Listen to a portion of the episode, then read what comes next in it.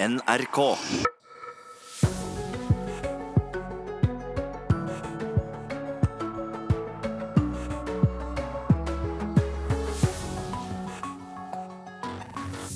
Frankrikes president Macron lover å gjenoppbygge Notre-Dame innen fem år. Men finnes det nok fagfolk til å restaurere den over 800 år gamle katedralen? Så mange som én av fem blinde har opplevd at førerhunden de bruker blir angrepet av andre hunder, som du hørte i Dagsnytt. Hva kan gjøres med det? Og det er valg i Indonesia i dag. Mange av velgerne er unge muslimer. Hva slags samfunn ønsker de seg? Velkommen til Nyhetsmorgen med Ida Creed. Det er onsdag 17. april. Først til Paris. Mangel på kvalifiserte fagfolk kan forsinke arbeidet med å bygge opp igjen Notre-Dame. Det mener en av arkitektene bak restaureringen av Windsor Castle, som brant i 1992. I går talte president Emmanuel Macron til det franske folk. Han lovet å gjenoppbygge katedralen innen fem år.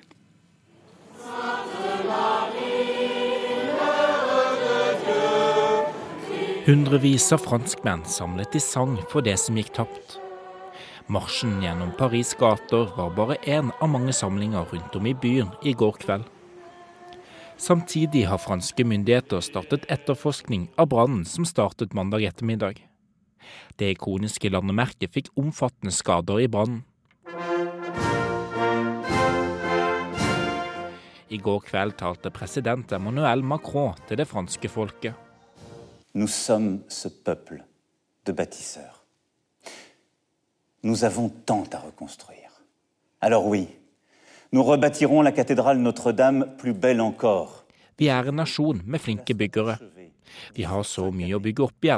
Vi kommer Notre-Dame sa Macron. Han det skulle.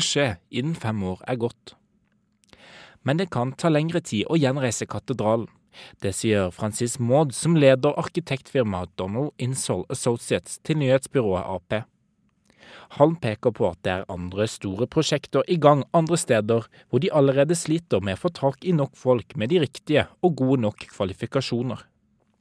Det er allerede startet innsamlingsaksjon for å gjenreise landemerket. Blant dem er et bidrag på nesten en milliard kroner fra en rik franskmann. Brannen blir foreløpig vurdert som en ulykke. Reporter Lars Hægeland. Reporter Haldor Asvald i Paris. Hva er det siste politiet har gjort for å finne ut hva som er brannårsaken? Politiet har nå avhørt rundt 30 personer etter denne brannen. De fleste jobbet ved dette restaureringsarbeidet som har foregått ved dette stillaset på toppen av katedralet rundt dette spiret, som da endte med å, å, å brenne opp og falle ned, som vi alle så på disse TV-bildene i forgårs kveld. Og mange har jo pekt på restaureringsarbeidet som en, en mulig årsak til brannen. og Politiet jobber nå for å få oversikt over denne situasjonen. De jobber også med å sikre seg tekniske spor inne i kirken. Jeg står nå ved en politisperring like ved scenen, der politifolk går fram og tilbake. De har henta bag, svarte bager inn og ut av politibiler. Det har kommet kjørende sivile politibiler med blålys inn og ut av disse sperringene og inn mot dette området foran kirken. Der også brannbiler står nå fortsatt og passer på dette området. Jeg ser akkurat nå en, en brannmann som går langs Notre-Dame inn mot en brannbil og, og ser på området. sånn at det er klart at her er det aktivitet. Og man er opptatt av å finne flest mulig svar raskest mulig. Mm. Du var på en markering for Notre-Dame i går kveld. Vi har litt lyd her også, skal vi høre.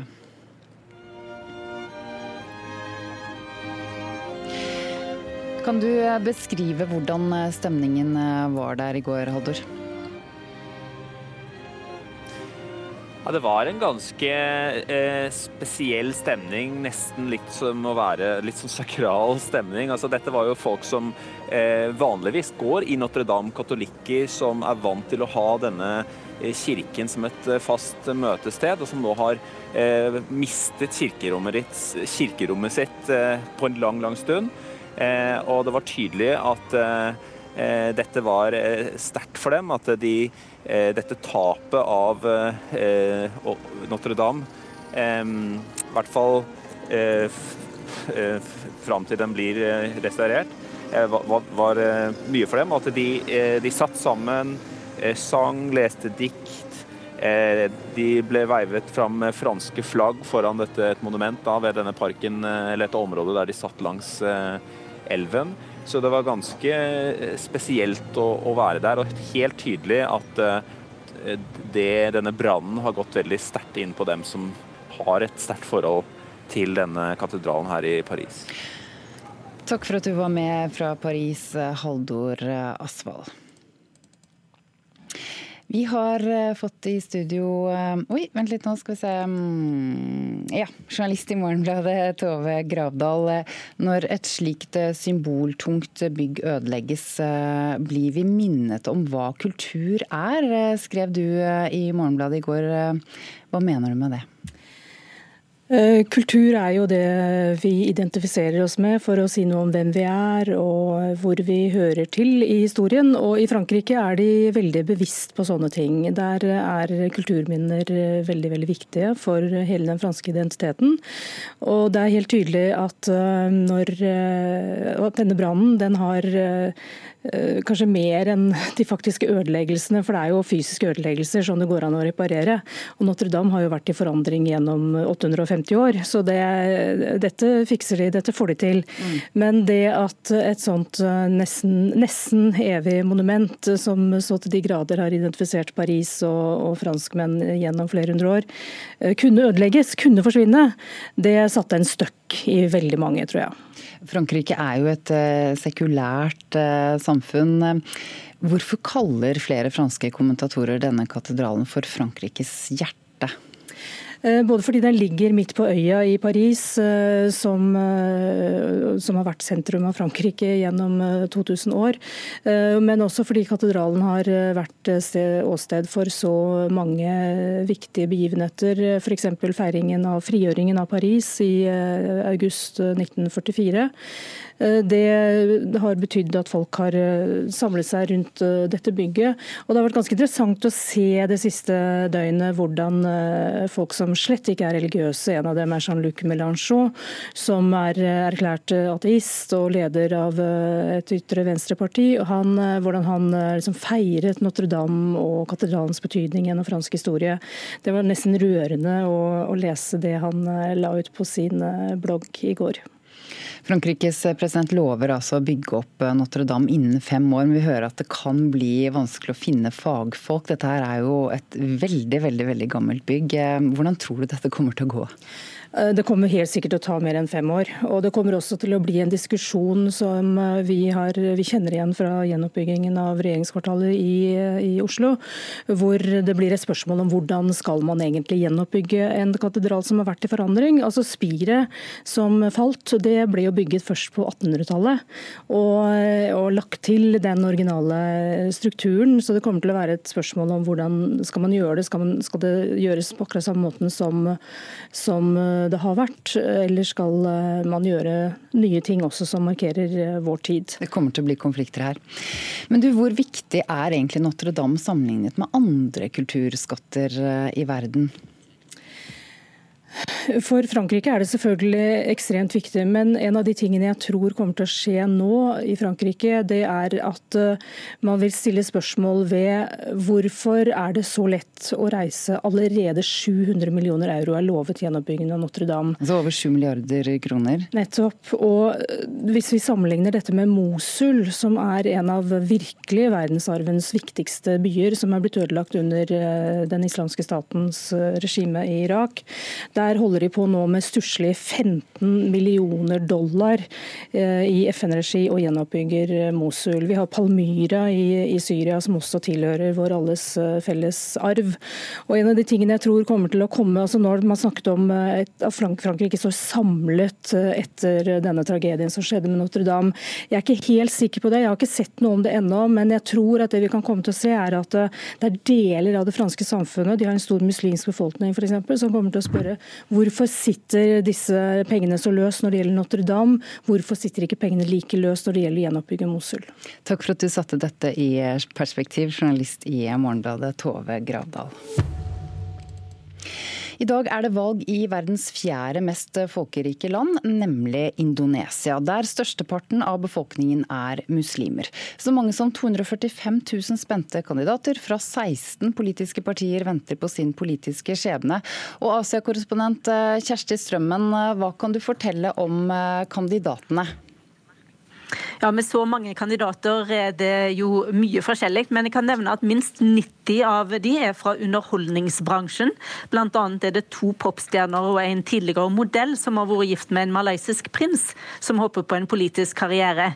Indonesierne går i dag til valg både fordi parlamentets plasser skal fylles, men de skal òg stemme på kandidater til regionale og lokale parlament. Likevel er det knytta mest spenning til hvem som skal ha jobben som president og visepresident. Ja, hvem um, tror vi blir landets president?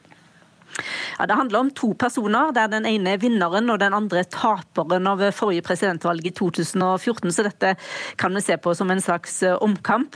Joko Widodo, eller Jokowi som han populært ble kalt, er den sittende presidenten, som altså gikk seirende ut i 2014. Han ble i forrige runde kalt Indonesias Barack Obama, fordi han var et ferskt ansikt uten nære bånd til det autoritære Suharto-regimet. Og for de som husker det, så styrte Suharto landet med jernhånd i over 30 år, fram til studentprotester omsider førte til at han ble kasta i 1998 og landet ble demokratisk. Så det har vært en styrke for Joko Widodo at han ikke blir forbundet med Suharto sitt eh, regime. 57-åringen eh, Joko Widodo er en tidligere forretningsmann som drev i møbelhandelen, og han har vært ordfører i byen Solo og deretter i hovedstaden Jakarta. Hans motstander heter Prabowo Subianto og er 67 år gammel. Han er òg eh, forretningsmann og tidligere general i spesialstyrkene og er Suhartos tidligere svigersønn. og Han prøver fremdeles å riste av seg anklager om brudd på menneskerettigheter under Suharto sin siste maktperiode, men har fått med seg mange av de unge indoneserne som ikke selv har erfaring med den tida. Og det er rundt 80 millioner stemmeberettigede fra millenniumsgenerasjonen. Det utgjør fire av ti velgere som er med på å avgjøre resultatet. Og En av grunnene til at en del av disse støtter opp om eh, Prabowo, er at hans visepresidentkandidat med sine 49 år er yngre enn Joko Widodo sin visepresidentkandidat, som er 76 år gammel. Ja, som du sier, mange av velgerne er unge. Vet vi noe om hva slags samfunn de ønsker seg? Ja, altså det Her argumenteres det om at de ønsker mer jobber. Opposisjonen kritiserer den sittende presidenten for økende arbeidsløshet og ustabile matvarepriser. Eh, men det er et annet eh, tema her òg, og det er at en mener at det er altfor nære bånd til Kina under den eh, sittende presidenten. Men så er det òg en del av disse nye velgerne som er nyfrelste muslimer, og de støtter den sittende nei, den presidentmotstand, president, motstander til presidenten i dag, altså Prabovo. Han har knytta til seg sterke muslimske grupper og ble kritisert for å være være en person som kan skape en mye sterkere islamsk stat i fremtiden. Og det blir han òg da kritisert for. Takk for at du var med oss, Asia-korrespondent Kjersti Strømmen.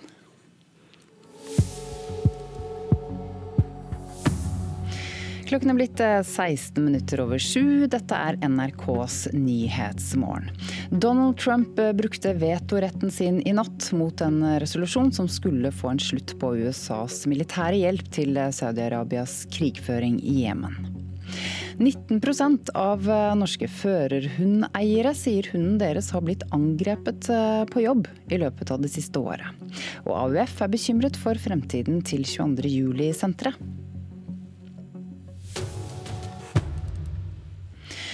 Ja, mange blinde opplever også at førerhunden deres ehm, blir angrepet av andre hunder. Ifølge en ny undersøkelse har så mange som én av fem eh, førerhundbrukere opplevd at hunden deres har blitt angrepet. Det kan føre til at hundene blir så redde at de må trenes opp på nytt, eller at de ikke kan brukes som eh, førerhund mer i det hele tatt. Det ble jo slik at den kvia seg jo til å gå den samme veien. Den ble jo veldig engstelig overfor andre hunder. Den stoppa og ville ikke gå. Den eh, var jo redd for at dette skulle skje igjen. Det er et par år siden Øystein Andreassen og førerhunden Sana fikk problemer da en løs hund kom stormende mot dem, noe Andreassen beskriver som et angrep. Sana kom fra det uten store skader, men i ettertid var hun mye redd. Det gjør jo det at du kan ikke du kan ikke være sikker på at hunden gjør det riktige lenger. Han er nesten helt blind og avhengig av førerhund for å komme seg fram. Ifølge en ny undersøkelse Epinion har gjort for Nav blant over 100 førerhundbrukere, svarer hver femte at de har opplevd at andre hunder har angrepet førerhunden deres det siste året. Mange har som Andreassen opplevd at hunden fikk problemer i ettertid. Én av fem er jo egentlig mye, det skal helst ikke være noen. Sier Arve Bjørke Olsen. Han er leder av et Nav-utvalg som får beskjed når førerhunder er blitt angrepet, undersøker hva som har skjedd og sørger for at førerhunden får den opptreninga som trengs for å fungere igjen. Det som skjer, det er jo at det blir større tetthet med hunder på landsbasis. Det igjen krever at hundeeier viser et større ansvar med den hunden han har. Og hvis den viser aggressive tendenser, da, da bør den ikke slippe den for det, det kan være katastrofalt. Mange av sakene han får inn er vanskelig å løse, for det er ofte ord mot ord når det kommer til hva som har skjedd. Likevel, konsekvensene for førerhunden er ofte uheldige. Hunden kan bli redd og få problemer med å gjøre jobben sin som den skal. Det er helt forferdelig. Sier Sverre Fuglerud i Blindeforbundet. Han mener alle hundeeiere må sørge for å ha kontroll over hunden sin. Og Selvfølgelig så må man hindre at den angriper en førerhund, men det er også viktig at eh, man ikke lar eh, hunden hilse på en førerhund som går med sele på. Da er førerhunden i arbeid, og da blir den veldig forstyrra også av hunder som kommer bort for å hilse. Du blir jo veldig redd. Du blir jo forbanna også, for du har liksom nok ellers om dagen å, å passe på. At ikke du skal ha gå og passe på andres løse hunder som de ikke har kontroll på. Andreassen sin kongepuddel Sana er nå pensjonert, og han har fått en ny førerhund. Bekymringa for hunder som forstyrrer eller går til angrep, er der likevel alltid. Til slutt så kan du ikke ha førerhund, fordi at omgivelsene dine eh, lager for mye skade.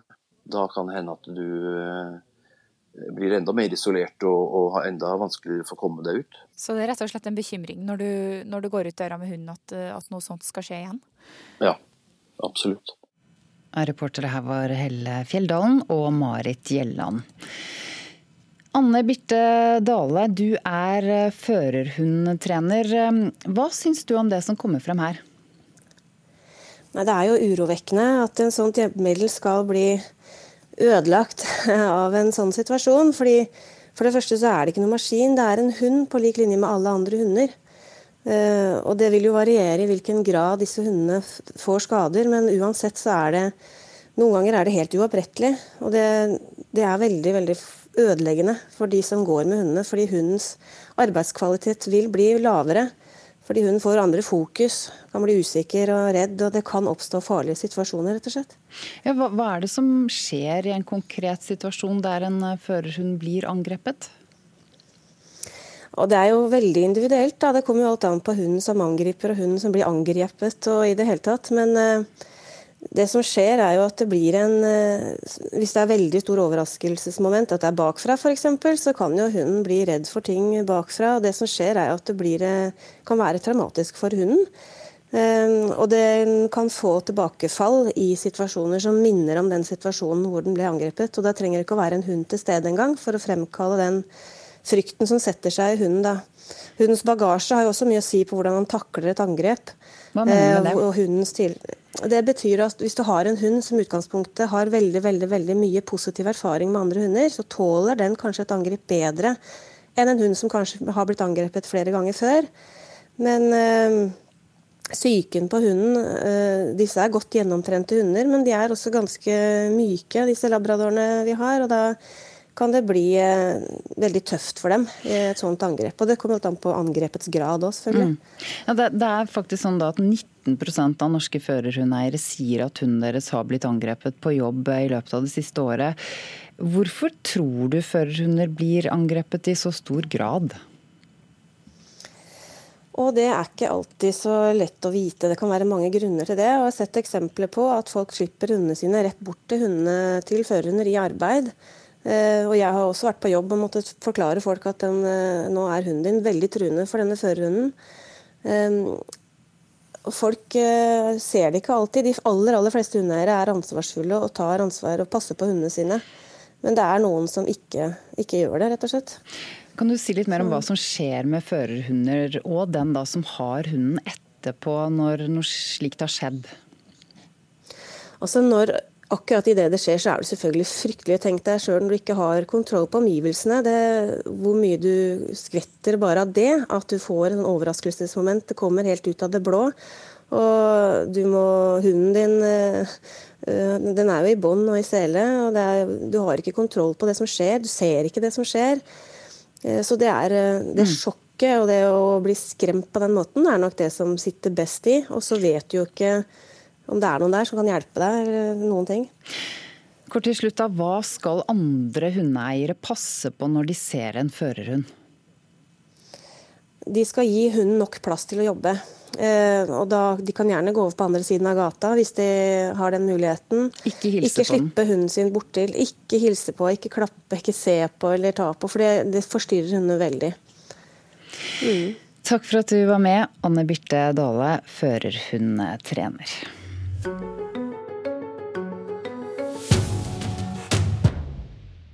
I Oslo er AUF bekymret eh, for at 22. juli-senteret skal flyttes ut av Høyblokka. For i den nye stortingsmeldingen om regjeringskvartalet er plasseringen av senteret fortsatt uavklart. Generalsekretær Sindre Lysø mener det er viktig for den kollektive hukommelsen at senteret ligger der angrepet faktisk skjedde. Hvis 22. juli-senteret eh, flyttes fra der hvor eh, angrepet faktisk skjedde, så sletter man eh, sporene og bevisene etter terroristen.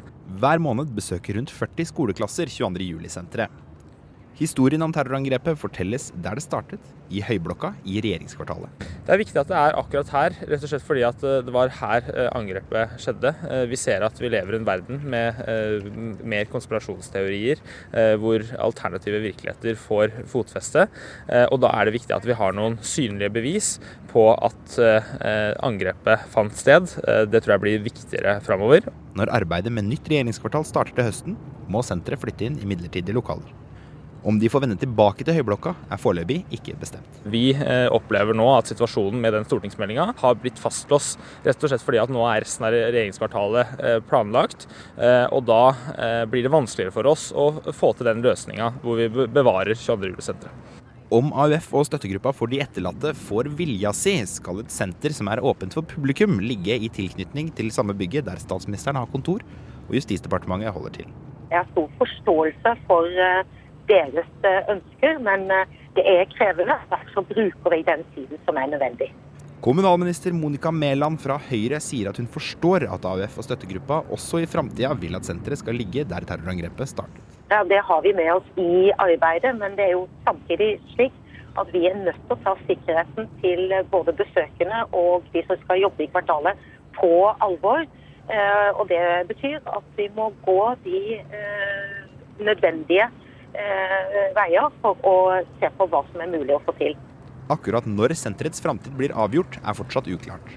Ja, Det jobber vi nå med, og vi har god dialog med støttegruppen og AUF. Så de er jo uh, informert om statusen. Og så er dette et gedigent prosjekt som skal gå over mange år. Uh, og senteret skal plasseres, det er vi helt enige om. Men vi må altså bruke den tiden som er nødvendig for å få dette til på en trygg og god måte. Reportere Brage Lijord og Siv Sandvik.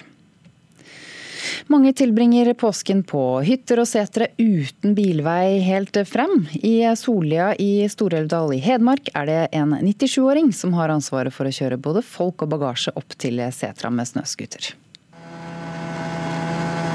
Han har på seg blå scooterdress, ørlapplue og sveisebriller for å beskytte seg mot vær og vind. Jeg har gjort tre turer i dag nå. 97 år gamle Helge Lien på vei med snøscooteren, fullasta med påskeproviant. Jeg er for å hjelpe, hjelpe folk da, ut i terrenget. Med kjappe, smidige bevegelser balanserer han snøscooteren i løssnøen de 1200 bratte meterne opp mot Øverdalssetra i Solja i Stor-Aurdal. Takk for turen, Helge. Det var veldig fint at du kunne kjøre oss opp i år òg. Det er bare hyggelig å gjøre det, for så vidt. Det er gull verdt. Hjelpe folk. Ja, ja, ja. Kommer mye bagasje, og da er det Vi hadde sikkert måttet gått fem-seks turer for å fatte opp sjøl, vet du. Hytteeier Ingrid Røstum Tillin har bare godt å si om Skyskaren. Eh, veldig imponert. Imponert eh, år etter år. Og du heller like godt, Helge. Ja. Helge Lien har vært fast sjåfør for hyttefolket her siden Sven Sollien og hesten hans ga seg en gang på 60-tallet. Lettvint måte å komme fram på, vet du. Og så mye bagasje som de har i dag, så vil det ta lang tid å gå og bære opp saker og ting. Det blir lange dager for 97-åringen nå. Hittil i påsken har han kjørt elleve turer med bagasje for dem som skal feriere på de forskjellige hyttene i området. Ja, det er en titall. Det er ned igjen så greier de seg sjøl som regel. Så det å komme opp, det er det som er det tyngste. For å holde deg sprek når du nærmer deg 100 år, må du være i bevegelse, sier Helge Lien. Jeg er mye i bevegelse, da, vet du. Går mye og, holde holder på med noe småjobber. Og skaffe seg litt ved og sånn her, og fyre med om vinteren. Påska er redda. Veldig glad for at vi fikk skyss opp i år òg. Og Så lenge jobben blir verdsatt og scooteren går, stiller trolig Helge Lien opp også neste påske. Nei, jeg får bare drive og tusle så lenge det er liv.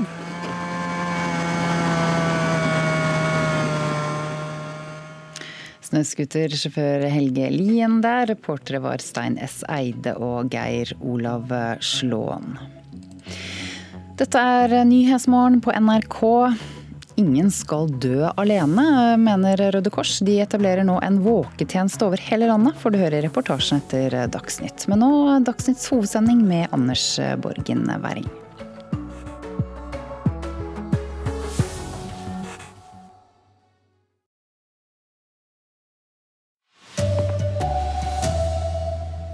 Notre-Dame skal gjenoppbygges, men mangel på fagfolk kan forsinke arbeidet. Førerhundene til mange blinde angripes av andre hunder. Postbud Audhild jobber som påskehare på si. Og sjokolade! Det er Sikkert noen snille Audhild som har ordet her. God morgen, her er NRK Dagsnytt. Klokka er 7.30.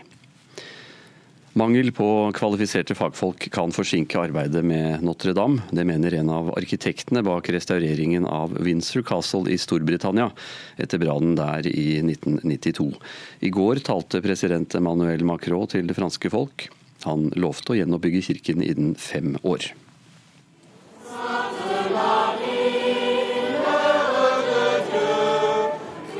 Hundrevis av franskmenn samlet til sang for det som gikk tapt. Marsjen gjennom Paris' gater var bare én av mange samlinger rundt om i byen i går kveld. Samtidig har franske myndigheter startet etterforskning av brannen som startet mandag ettermiddag. Det ikoniske landemerket fikk omfattende skader i brannen. I går talte president Emmanuel Macron til det franske folket. Nous sommes ce peuple de bâtisseurs.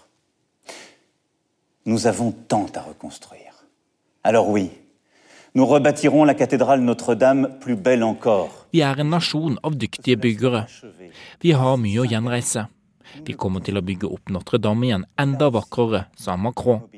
Han lovte samtidig at det skulle skje innen fem år er gått. Men det kan ta lengre tid å gjenreise katedralen. Det sier Francis Maud, som er leder for arkitektfirmaet Donald Insol Associates til nyhetsbyrået Ap. Han påpeker at det er andre svært store prosjekter i gang andre steder hvor de allerede sliter med å få tak i nok folk med de riktige og gode nok kvalifikasjoner. Det er allerede startet innsamlingsaksjon for å gjenreise landemerket. Blant dem er et bidrag på over to milliarder norske kroner. Banen blir foreløpig vurdert som en ulykke. Sa reporter Lars Hægeland. Reporter Haldor Asvald, du er i Paris. Hvilke nye opplysninger har kommet fram om brannårsaken? Ja, politiet har avhørt eh, nå rundt 30 personer etter eh, brannen. De fleste jobbet ved dette restaureringsselskapet som hadde ansvaret for å eh, pusse opp dette taket av tre på toppen av katedralen. Mange har jo pekt på at dette kan være en mulig årsak til brannen, men det er ikke kommet noe mer offisielt fra politiet rundt mer om hva som kan være Eh, brannårsaken. Bevæpnet politi går nå stille fram og tilbake eh, ved disse politisperringene. Passer nøye på at folk ikke kommer inn Eh, i dette området, folk som ikke bor eller jobber her. Det står politibiler på, eh, ved forsiden av eh, Notre-Dame svær, altså, og, og brannbiler med en svær løftekran som kan brukes til å heise opp eksperter for å titte på fasaden, banke på murveggene, få oversikt over skadene. Det gjorde de i går, og det kommer de kanskje også til å gjøre her i dag. Ja, Slukkingsarbeidet det skal jo nå evalueres. Hva har kommet fram om det? Mange spør seg hvor raskt eh, klarte man egentlig å oppdage denne brannen. Den første brannalarmen gikk 18.20 på brannkvelden. Eh, ifølge påtalemyndigheten i Paris, og da skal det ikke ha blitt oppdaget noen brann. Først 23 minutter etterpå eh, så gikk det en ny brannalarm, og da oppdaget man dette, denne, eh, disse flammene. Eh, så mange spør seg nå om man har klart å håndtere dette raskt nok eh, fra brannmannskapets eh, side, eller de som først kom til stedet. Takk skal du ha, reporter Haldor Asvald, som altså er i eh, Paris. Nå skal vi høre at mange blinde opplever at førerhunden de bruker for å komme seg fram, blir angrepet av andre hunder. Ifølge en ny undersøkelse har så mange som én av fem førerhundbrukere opplevd at hunden deres er blitt angrepet. Det kan føre til at hundene blir så redde at de må trenes opp på nytt, eller at de ikke kan brukes som førerhund mer. Det ble jo slik at den kvia seg jo til å gå den samme veien. Den ble jo veldig engstelig overfor andre hunder var jo redd for at dette skulle skje igjen. Det er et par år siden Øystein Andreassen og førerhunden Sana fikk problemer da en løs hund kom stormende mot dem, noe Andreassen beskriver som et angrep.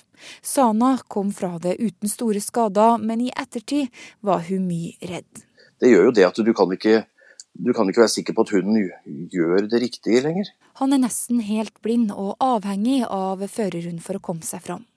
Ifølge en ny undersøkelse Epinion har gjort for Nav blant over 100 førerhundbrukere, svarer hver femte at de har opplevd at andre hunder har angrepet førerhunden deres det siste året. Mange har som Andreassen opplevd at hunden fikk problemer i ettertid. Det er helt forferdelig. Sier Sverre Fuglerud i Blindeforbundet. Han mener alle hundeeiere må sørge for å ha kontroll over hunden sin. Og selvfølgelig så må man hindre at den angriper en førerhund, men det er også viktig at eh, man ikke lar eh, hunden hilse på en førerhund som går med sele på. Da er førerhunden i arbeid, og da blir den veldig forstyrra også av hunder som kommer bort for å hilse. Du blir jo veldig redd. Du blir jo forbanna også, for du har liksom nok ellers om dagen å, å passe på. At ikke du skal ha gå og passe på andres løse hunder som du ikke har kontroll på. Reportere her Helle Fjelldalen og Marit eh, Gjelland. I Kongo frykter myndighetene at over 150 mennesker har omkommet i et fergeforlis. Ferga kantret på Kivu-sjøen øst i landet. AUF frykter at 22. juli-senteret flyttes ut av Høyblokka. I den ferske stortingsmeldingen om regjeringskvartalet er plasseringen av senteret fortsatt eh, uavklart. Generalsekretær Sindre Lysø mener det er viktig for den kollektive hukommelsen at senteret ligger der angrepet faktisk skjedde. Hvis 22. juli-senteret eh, flyttes fra der hvor eh, angrepet faktisk skjedde, så sletter man sporene og bevisene etter terroristen. Hver måned besøker rundt 40 skoleklasser 22. juli-senteret. Historien om terrorangrepet fortelles der det startet, i Høyblokka i regjeringskvartalet. Men når arbeidet med nytt regjeringskvartal starter til høsten, må senteret flytte inn i midlertidige lokaler. Om de får vende tilbake til Høyblokka, er foreløpig ikke bestemt. Vi eh, opplever nå at situasjonen med den stortingsmeldinga har blitt fastlåst. Rett og slett fordi at nå er resten av regjeringskvartalet eh, planlagt. Eh, og da blir det vanskeligere for oss å få til den løsninga hvor vi bevarer 22. juli-senteret. Om AUF og støttegruppa for de etterlatte får vilja si, skal et senter som er åpent for publikum, ligge i tilknytning til samme bygget der statsministeren har kontor og Justisdepartementet holder til. Ja, det er helt eh, åpenbart at eh, det er det utfordrende. Kommunalminister Monica Mæland fra Høyre sier at hun forstår at AUF og støttegruppa også i framtida vil at senteret skal ligge der terrorangrepet startet. Ja, Det har vi med oss i arbeidet, men det er jo samtidig slik at vi er nødt til å ta sikkerheten til både besøkende og de som skal jobbe i kvartalet, på alvor. Eh, og Det betyr at vi må gå de nødvendige Eh, veier for å se på hva som er mulig å få til. Reporter Brage Lie Jord. Et redningshelikopter hentet i natt to tolv år gamle gutter fra Fokkhaugtinden i Møre og Romsdal, der guttene hadde gått seg fast. Guttene la ut på tur fra et hytteområde i Stordal kommune, mens det ennå var lyst og fint vær. Nå til et eh, postbud i Gloppen i Sogn og Fjordane som eh, skiller seg litt ut. For eh, i påsken så er det ikke bare regninger, reklame og aviser som Audhild Bogstad har med seg i den røde postbilen sin. I noen utvalgte postkasser så putter hun også oppi en liten påskehilsen. Det var noe nytt i dag. Sjokolade i postkassen, det er ikke hver dag. Aksel Njøsen er en av dem heldige på postruta til Audhild Bogstad denne dagen. Han har nemlig fått en Kvikk Lunsj i postkassa si. Det som starta som en spontan idé, har blitt en påsketradisjon for Audhild. Målet er å spre glede. Altså, Det er ikke så mye som skal til for å glede noen andre. Eh, en klem òg. Jeg, jeg, er jo veldig glad i å gi klemmer. Jeg ser det at de smiler, og jeg blir glad. Det er nok mange som har blitt både glad og overraska. Akkurat som Kasper Stensaker da han titta ned i postkassa si. Oi, sjokolade! Det er Sikkert hun snille Audhild som har vært her. Hun, hun, er alltid blid og snill og kjører rundt med posten alltid. Med over 500 postkasser på ruta kan ikke Audhild gi sjokolade til alle. Så hvem er det egentlig som er heldige? Det er bare at å, nå skal den få, nå skal den få. Og eh, da jeg, da jeg begynte eh, for tre år siden, eh, da var det mer sånn små husstander. For det er jo fire striper med sjokolade. Hvor mange, hvor mange deler kan man dele dem opp i? det sa til slutt påskehare og postbud, Audhild Bogstad. Reporter Klara Skovro Thoresen. Arild Svalbjørg har ansvaret for NRK Dagsnytt i dag. Jeg heter Anders Borgen Werring.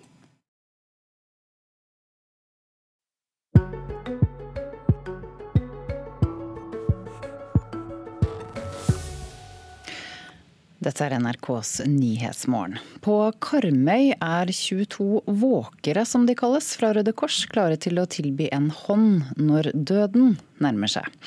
De er som engler, sier Aina Sverdrupsen, som brukte denne tjenesten da tanten hennes lå for døden. Nå planlegger Røde Kors å utvide våketjenesten til hele landet. Helt supert. Det beste som kunne skjedd for oss.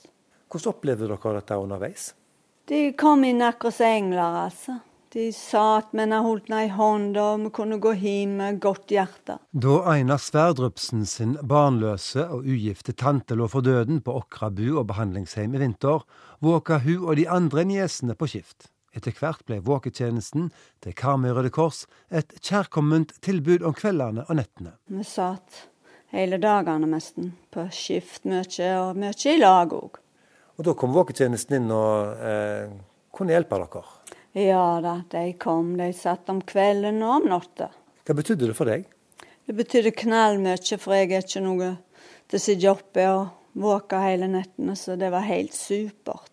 Karmøy Røde Kors brukte nesten ett år på å forberede våketjenesten, har siden oppstarten i fjor høst hatt 22 våkere til rådighet. Alle de sju sykehjemmene i kommunen kan benytte seg av tilbudet, og våketjenesten sitter også hjemme hos folk. På det første halvåret har våkerne hatt seks oppdrag. Ja, det har gitt meg masse. Det, det, gir, det gir, jo masse det at du får bruke både utdannelsen du har, og, og det behovet Altså folk som er frivillige innen sånn som dette, har jo klart et behov for å, for å, hjelpe og for å bidra. Det sier Mona Munte Høvring. Hun er våker og leder av våketjenesten til Karmøy Røde Kors. Har eh, masse takknemlige folk, og merkes godt at vi, at vi, gjør en viktig jobb. For det er jo ikke alle som har noen nære i det hele tatt. Vi har jo vært hos folk som ikke har hatt noen, og vi har vært hos folk som bare har tenkt at uh, vi sitter og veksler mellom de som en avlastning. Så det er begge deler. Munte Høvring er hjelpepleier av yrke med videreutdanning innenfor kreftomsorg og lindrende pleie. Mange av våkerne har lignende bakgrunn og utdanning. Alle de 22 våkerne på Karmøy måtte gjennom egne intervju med frivillighetskoordinator Tove Matre i Karmøy Røde Kors, og de har i tillegg gått på kurs. Det er jo helt fantastiske. og har hatt, vi har hatt samtaler med alle som meldte seg frivillig. Og det er så rørende å høre historiene deres, hvorfor de vil gjøre dette. Og, det felte mer enn ei tåre der flere ganger når jeg hørte historiene. Og det at de vil gjøre noe for andre. Og denne spesielle tjenesten, som en våketjeneste, det er jo det er helt fantastisk at folk vil være med på dette. Så langt har 20 Røde Kors-foreninger i fire fylker etablert en egen våketjeneste, mens det planlegges oppstart i ytterligere tre fylker i 2019. Nasjonalt spår Røde Kors en dobling av antall våkere det neste året, og at alle landets fylker vil ha tilbudet i løpet av to til tre år. Røde Kors mener at ingen skal måtte dø alene eller føle på ensomhet helt mot slutten av livet. Jeg har jo en telefon, en våketelefon som eh, de kan ringe på, pårørende eller helsepersonell. Eh, ta kontakt med meg og fortelle litt hvordan det ligger an, og høre om vi er ledige for oppdrag da, at vi har sjanse til å bidra. Eh, og så går vi inn i det og ser hva vi kan bidra med etter behovet til ja, både personell og, og hva pårørende trenger. Vil du anbefale andre å benytte seg av dette tilbudet? Ja da, det må de bare bruke, altså. For jeg syns det er et kjempeopplegg, altså. Og så er de så flinke. Tenk å sitte for fremmede folk og vake både natt og dag. Det er helt supert. Det sa Aina Sverdrupsen fra Karmøy til reporter Gisle Jørgensen.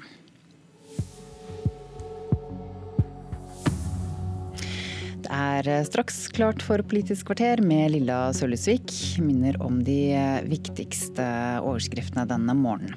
Notre-Dame skal gjenoppbygges i løpet av fem år, lover president Macron, men eh, mangel på fagfolk kan forsinke arbeidet. Førerhundene til mange blinde her i landet angripes av andre hunder. Donald Trump brukte vetoretten sin i natt mot en resolusjon som skulle få en slutt på USAs militære hjelp til Saudi-Arabias krigføring i Jemen. Og et redningshelikopter hentet i natt to tolv år gamle gutter fra Fokhaugtinden i Møre og Romsdal ned, der guttene hadde gått seg fast. Det endte godt, heldigvis.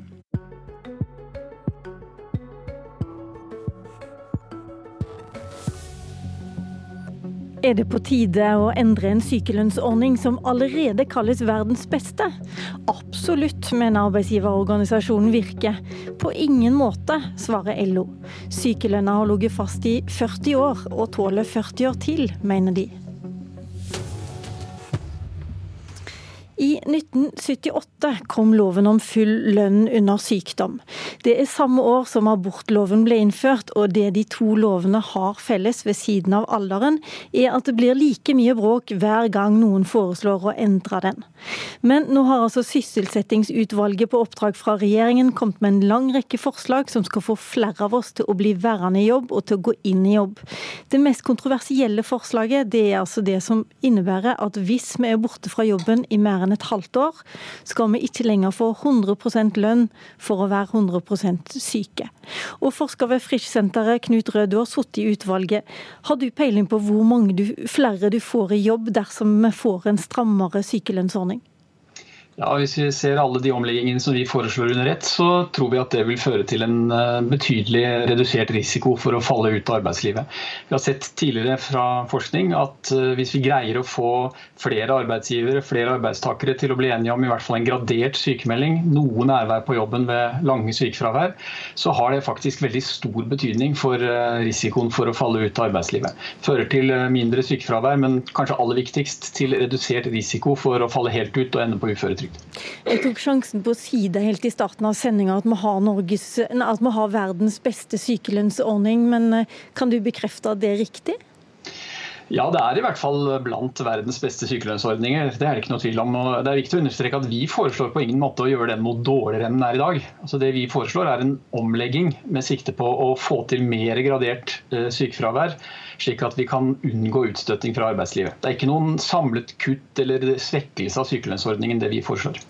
Hvem er det som får mer eh, penger, da? Siden vi nå vet hvem som får mindre? Så det vi foreslår er på den ene siden at den totale maksimale varigheten av sykepengeperioden eh, utvides ganske kraftig, helt til opp til 18 måneder. I dag er det 12 måneder. Det vil altså gjøre det mulig for folk som eh, sliter med, med helse og forsøker å komme tilbake til arbeid, å få sykelønn en lengre periode enn enn det de gjør i dag, hvis man får til en eller annen form for gradert sykemelding. Så Det kan du si er utvidelsen i vårt forslag, og i det ligger det også en klart oppmuntring til å få til gradert sykemelding. Så foreslår vi, som du innledet med å si, at, eh, at eh, vi skal ha 100% kompensasjon som i dag i den første delen av, eh, av sykefraværet, opptil seks fulltids fraværsmåneder. Etter det foreslår vi da en reduksjon til, til 80 Den vil da bare gjelde i de tilfellene hvor det er 100% fravær. Så her kan du si at forslaget gir litt med den ene hånden, tar litt med den andre hånden, men alltid alt gir et, et riktigere og bedre system som vi tror for de aller fleste vil, vil være gunstig. Hver gang sykelønner blir diskutert, så diskuterer man jo ofte også karensdag. Hvorfor foreslår dere ikke det? Nei, Det er flere grunner. Den viktigste grunnen er at eh, forskning fra land som har karensdag, eller har hatt det, sånn som Sverige og Frankrike, tyder på at det ikke fører til noe redusert eh, sykefravær. Det fører ikke nok til færre sykefravær, fordi terskelen for å melde seg sykemeldt blir noe høyere. Men til gjengjeld fører det til lengre sykefravær. Når man først har passert karensdagen, så så øh, venter man til man er helt øh, frisk for ikke å risikere et øh, tilbakefall med en, en ny karensdag. Så det er høyst usikkert om det ville ha ført til noe redusert fravær. Sannsynligvis kunne det like gjerne ha ført til mer fravær og mer langtidsfravær, som er det som egentlig er problemet her. Hva, hva er det du mener står på spill, egentlig? Nå har denne sykelønnsordningen fungert i 41 år. Hvorfor ikke 41 år til? Hva skjer da? Det som er problemet med dagens ordning, det er knyttet til langtids eh, sykefraværsforløp, hvor altfor mange blir gående helt passive uten å få til løsninger på arbeidsplassen. Altså Det vi snakker om her er jo ikke feber og influensa og den type ting. Vi snakker om rygg- og skjelettplager, vi snakker om lettere psykiske lidelser. Det som driver langtidsfravær i Norge, det er diagnoser hvor, hvor det faktisk er helsebringende og gunstig å få være på jobb. Og Da er det veldig uheldig at vi har et system som oppmuntrer både arbeidsgivere og arbeidstakere til å, å, å, å ikke eh, anstrenge seg for å få til en løsning på arbeidsplassen. Vi foreslår også at, eh, at, arbeidsgiverne nå skal få mindre finansielt ansvar for korttidsfraværet, men mer finansielt ansvar for, for langtidsfraværet, og at det skal være en premiering av av gradert sykefravær, nettopp for å få til en løsning hvor man kanskje endrer litt på arbeidsoppgaver, kanskje endrer litt på turnusordninger, gjør arbeidsforholdene litt annerledes, slik at folk faktisk kan få være på jobb, og at vi hindrer den mekaniske utstøtingen fra arbeidslivet som nå eh, foregår i altfor stor grad. Men altså, det er vel litt sånn at eh, hver enkelt av oss også må kunne bestemme litt hva som er best for oss sjøl. Jeg går ut ifra at når dere foreslår dette her, så er det også noe som står på spill for økonomien og samfunnet generelt? Ja, vi tror jo at våre forslag både vil bidra til lavere langtidssykefravær, som sparer både samfunnet og ikke minst enkeltmennesker for store, store, kostnader. Vi tror også at det vil føre til eh, mindre tilstrømning til arbeidsavklaringspenger og, og uføretrygd. Og vi skal huske på det at hvis et langtids sykefraværsforløp ender med en uføretrygd, så snakker vi om 60-65 kompensasjonsgrad ut livet.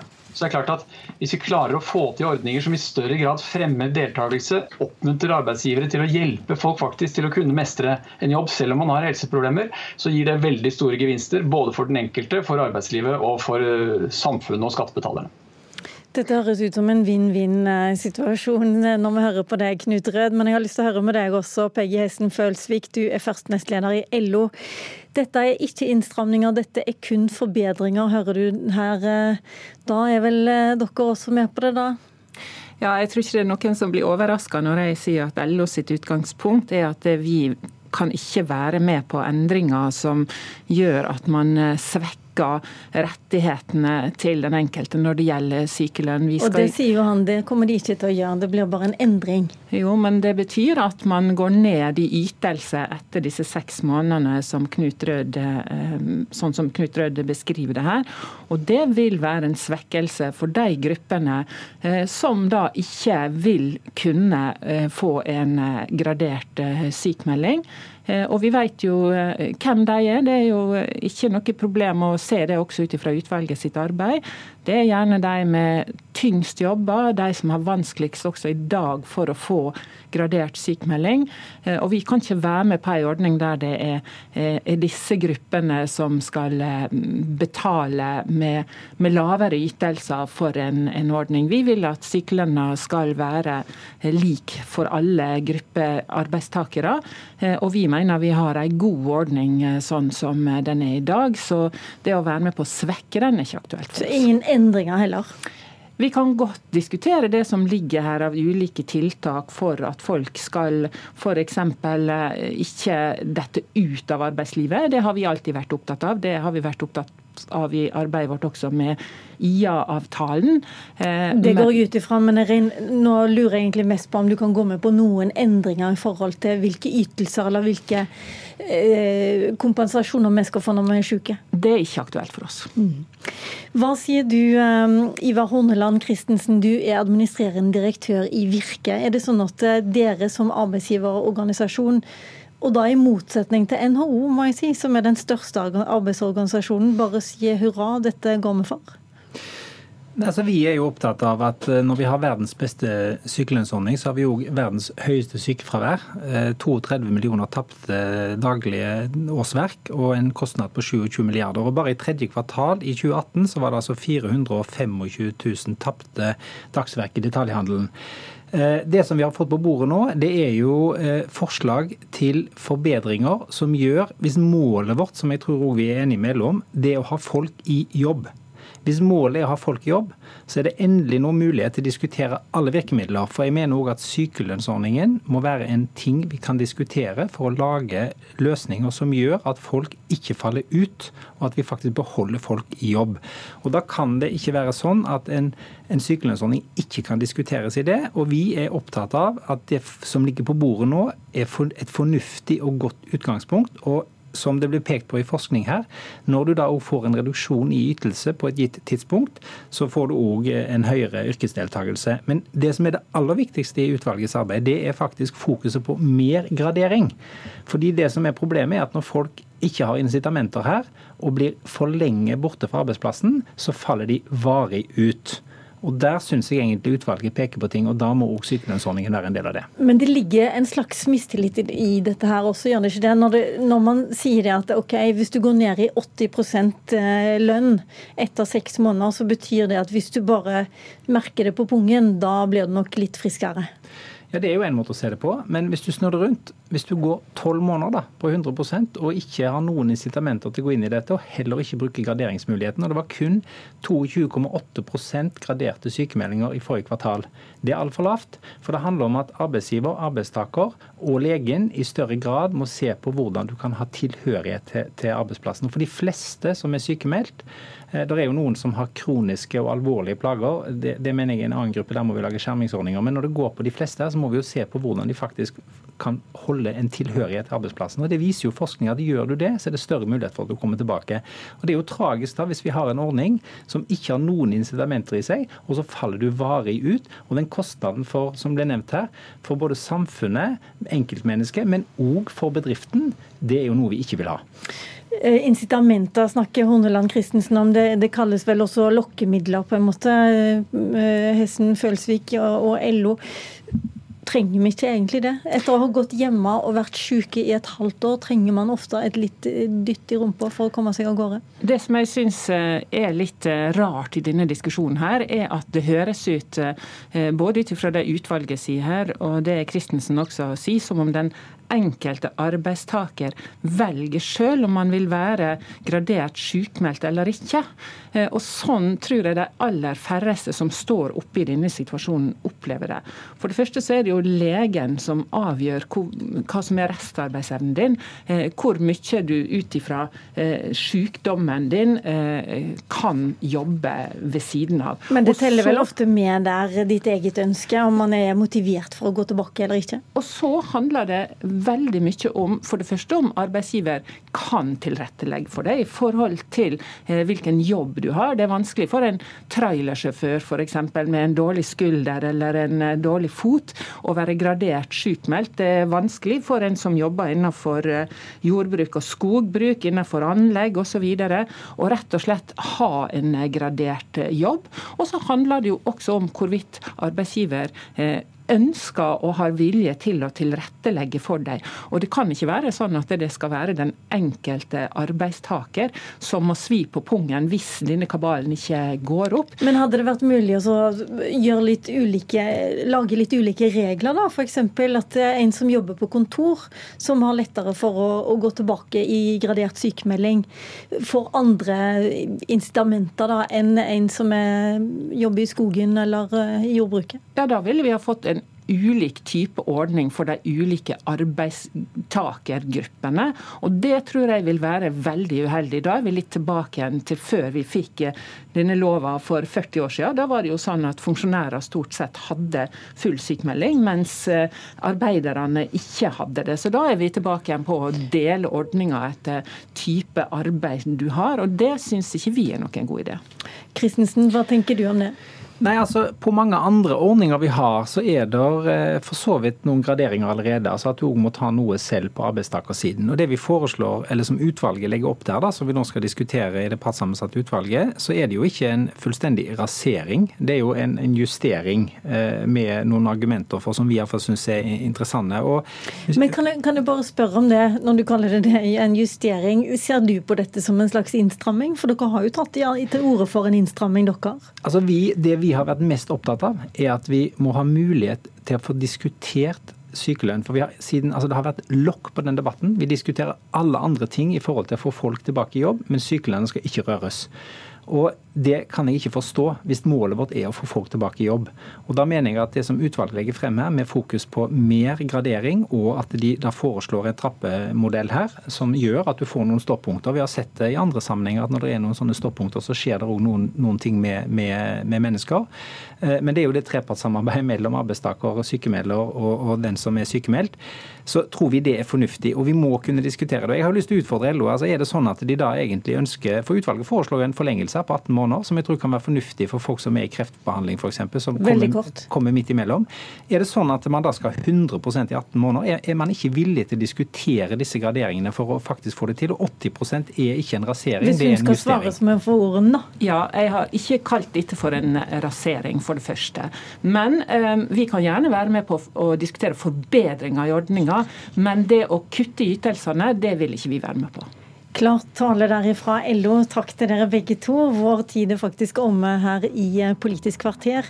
Vi tar påskeferie, men Nyhetsmorgen fortsetter en hel time til. Mitt navn er Lilla Sølhusvik.